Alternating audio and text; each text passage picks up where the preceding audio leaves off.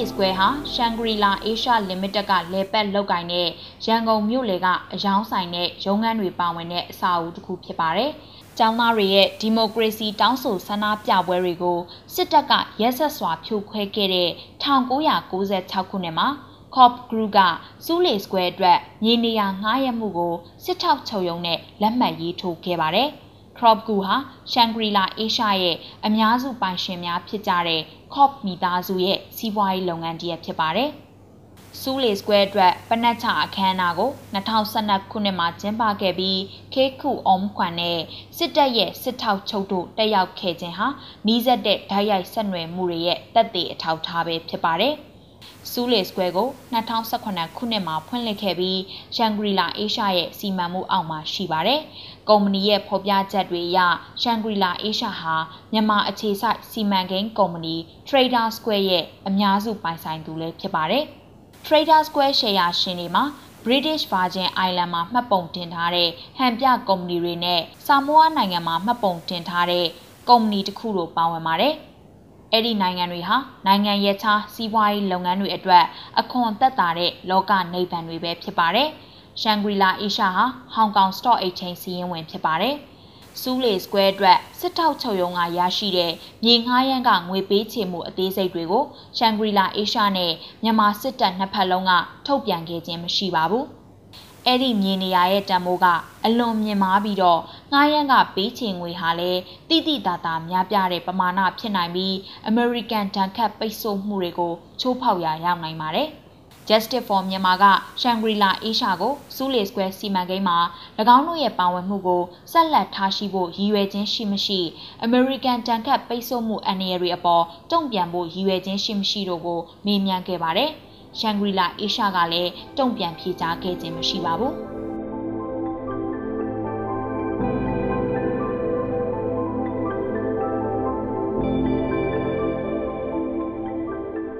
ဟီလ်တန်ဝေါ်ဝိုင်ဟိုးဒင်းဟာအာရဂန်ပြည်နယ်ကငပလီမှာကမ်းခြေအပန်းဖြေဟိုတယ်တစ်ခုကိုလုပ်ကိုင်ပါတယ်။ အဲ့ဒီအပန်းဖြေဟိုတယ်မြေနေရာကိုဟီလ်တန်ရဲ့မြန်မာနိုင်ငံမိတ်ဖက်ခရိုနီကုမ္ပဏီ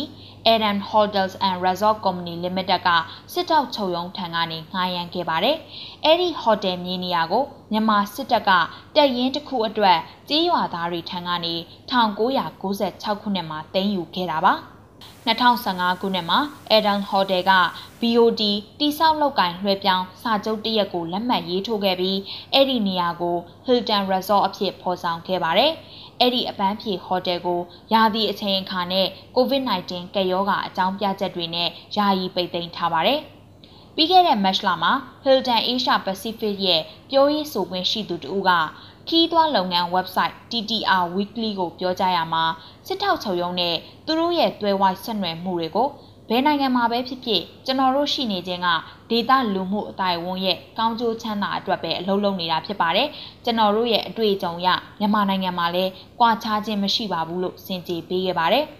Justice for Myanmar က Hilton Worldwide ကိုငပလီအပန်းဖြေဟိုတယ်စီမံကိန်းမှာသူတို့ရဲ့ပါဝင်မှုကိုဆက်လက်ထားရှိဖို့ရည်ရွယ်ခြင်းရှိမရှိ American တန်ခတ်ပိတ်ဆို့မှုအန္တရာယ်တွေအပေါ်တုံ့ပြန်ဖို့ရည်ရွယ်ခြင်းရှိမရှိကိုမေးမြန်းခဲ့ပါတယ်။ မကြသေးခင်ကမြန်မာနိုင်ငံကလူပုဂ္ဂိုလ်တွေနဲ့အဖွဲ့အစည်းတွေပေါ်အမေရိကန်အစိုးရကချမှတ်ခဲ့တဲ့ဒဏ်ခတ်ပိတ်ဆို့မှုတွေကို Hilton အနေနဲ့သိရှိပါတယ်။ Hilton အနေနဲ့ဒဏ်ခတ်ပိတ်ဆို့ခံရတဲ့ဘယ်အဖွဲ့အစည်းနဲ့မှဆက်ဆံရေးတစုံတရာမရှိပါဘူး။လိုက်နာကျင့်သုံးရမယ့်စီးပွားရေးလုပ်ငန်းဆိုင်ရာဒဏ်ခတ်ပိတ်ဆို့မှုအားလုံးနဲ့ကိုက်ညီတဲ့ပုံစံနဲ့သာဆက်လက်လုပ်ကင်သွားမှာပါလို့ Hilton ရဲ့ပြောရေးဆိုခွင့်ရှိသူကတုံ့ပြန်ဖြေကြားခဲ့ပါတယ်။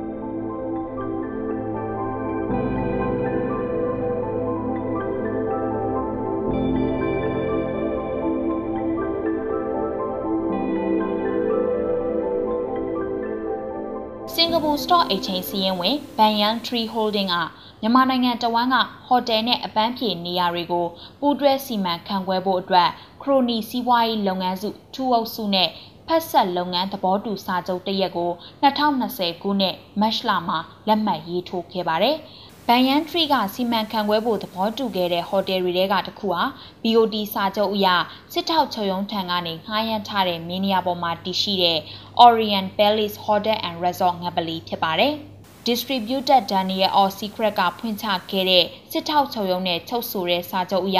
ထူးအုပ်စုရဲ့ကုမ္ပဏီခွဲ True Trading ဟာစစ်ထောက်ချုပ်ရုံးကိုမြန်မာကျပ်ငွေ22.8တန်းနဲ့ American Dollar 13850ကိုနှစ်စဉ်ပေးချေဖို့လိုအပ်ပါတယ်။အဲဒီဟိုတယ်ကိုဘန်ယန်ထရီဖြစ်နာမည်ပြောင်းလဲမှာဖြစ်ပြီးဘန်ယန်ထရီ Holding နဲ့ထူးအုပ်စုရဲ့ကုမ္ပဏီခွဲမြန်မာ Treasure Hotel and Resort Group ကုမ္ပဏီတို့ကြားဖက်ဆက်ကုမ္ပဏီတစ်ခုဖြစ်တဲ့မြန်မာ Hospitality Management Company ကစီမံခန့်ခွဲမှာဖြစ်ပါတယ်။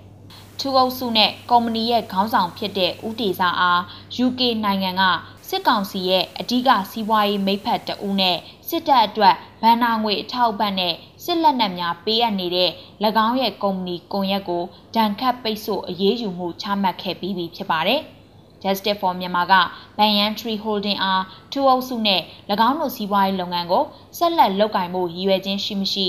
American တန်ခတ်ပိတ်ဆို့မှုအန္တရာယ်တွေအပေါ်တုံ့ပြန်ဖို့ရည်ရွယ်ခြင်းရှိမရှိကိုမေးမြန်းခဲ့ပါတယ်။ Banyan Tree Group က Rani Lin က လက်ရှိအခြေအနေတွေအရဖက်ဆက်လုပ်ငန်းရဲ့စီမံကိန်းတွေကအသက်ဝင်နေခြင်းမရှိပါဘူး။အခုလက်ရှိမြန်မာနိုင်ငံထဲမှာ Banyan Tree Group ရဲ့ဘယ်စီမံခန့်ခွဲရေးဝန်ထမ်းမှရောက်နေခြင်းမရှိပါဘူး။ကျွန်တော်တို့အနေနဲ့တာဝန်သည့်ကမ္ဘာနိုင်ငံသားတဦးအဖြစ်ရည်တည်ချက်ကိုထိမ့်သိမ်းထားရှိနိုင်ဖို့အတွက်နိုင်ငံတကာအဖွဲ့အစည်းတွေရဲ့ဥဆောင်မှုလုပ်နေချိန်မှာဖြစ်ပေါ်တိုးတက်မှုကိစ္စရပ်တိုင်းကိုအနီးကပ်စောင့်ကြည့်သွားမှာဖြစ်ပါတယ်လို့တုံ့ပြန်ဖြေကြားခဲ့ပါတယ်။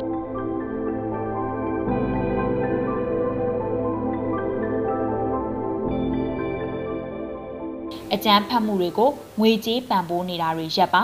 စစ်ထောက်ချုပ်ရုံးရဲ့လူမဆန်တဲ့အကြမ်းဖက်မှုတွေကိုဆက်ဆုပ်ယွန်းရှာပွဲလုပ်ရက်တွေအဖြစ်အတိအမှတ်ပြုပြီး American, UK နဲ့ကနေဒါနိုင်ငံတို့ရဲ့စစ်ထောက်ချုပ်ရုံးအားဒဏ်ခတ်ပိတ်ဆို့အရေးယူမှုတွေကို Justice for Myanmar ကကြိုးဆိုပါတယ်။အထက်မှာပြောခဲ့တဲ့နိုင်ငံတကာကုမ္ပဏီတွေအနေနဲ့စစ်ထောက်ချုပ်ရုံးနဲ့ဓာတ်ရိုက်ဖြစ်စေတွယ်ဝပြီးတော့ဖြစ်စေစီးပွားရေးဆက်လက်လှုပ်ဆောင်မှုအကြောင်းမရှိပါ။ စစ်ထောက်ချုပ်ရုံးအတွက်ရုပ်ဝတ္ထုပိုင်းဆိုင်ရာပံ့ပိုးမှုမှန်သမျှဟာမြန်မာစစ်တပ်ရဲ့ရက်ဆက်ကြမ်းကြုတ်မှုတွေမှာစီးပွားရေးလုပ်ငန်းကြံရပါအဖြစ်ပါဝင်ပတ်သက်မှုတရက်ဖြစ်ပြီးအပြင်းထန်ရှုံချရမှာဖြစ်ပါတယ်။အထက်ပါစီးပွားရေးလုပ်ငန်းတွေကအများစုဟာနာမည်ကြီးစီးရင်ဝင်ကုမ္ပဏီတွေဖြစ်ကြပြီးအဲ့ဒီကုမ္ပဏီတွေကရှယ်ယာရှင်အဖွဲ့အစည်းတွေအနေနဲ့ရင်းနှီးမြှုပ်နှံမှုတွေကနေနှုတ်ထွက်ခြင်းကတဆင့်အရေးယူဆောင်ရွက်ချက်များလှုပ်ဆောင်မှုကျွန်တော်တို့ထပ်မံတောင်းဆိုပါရစေ။ သို့မဟုတ်ပါက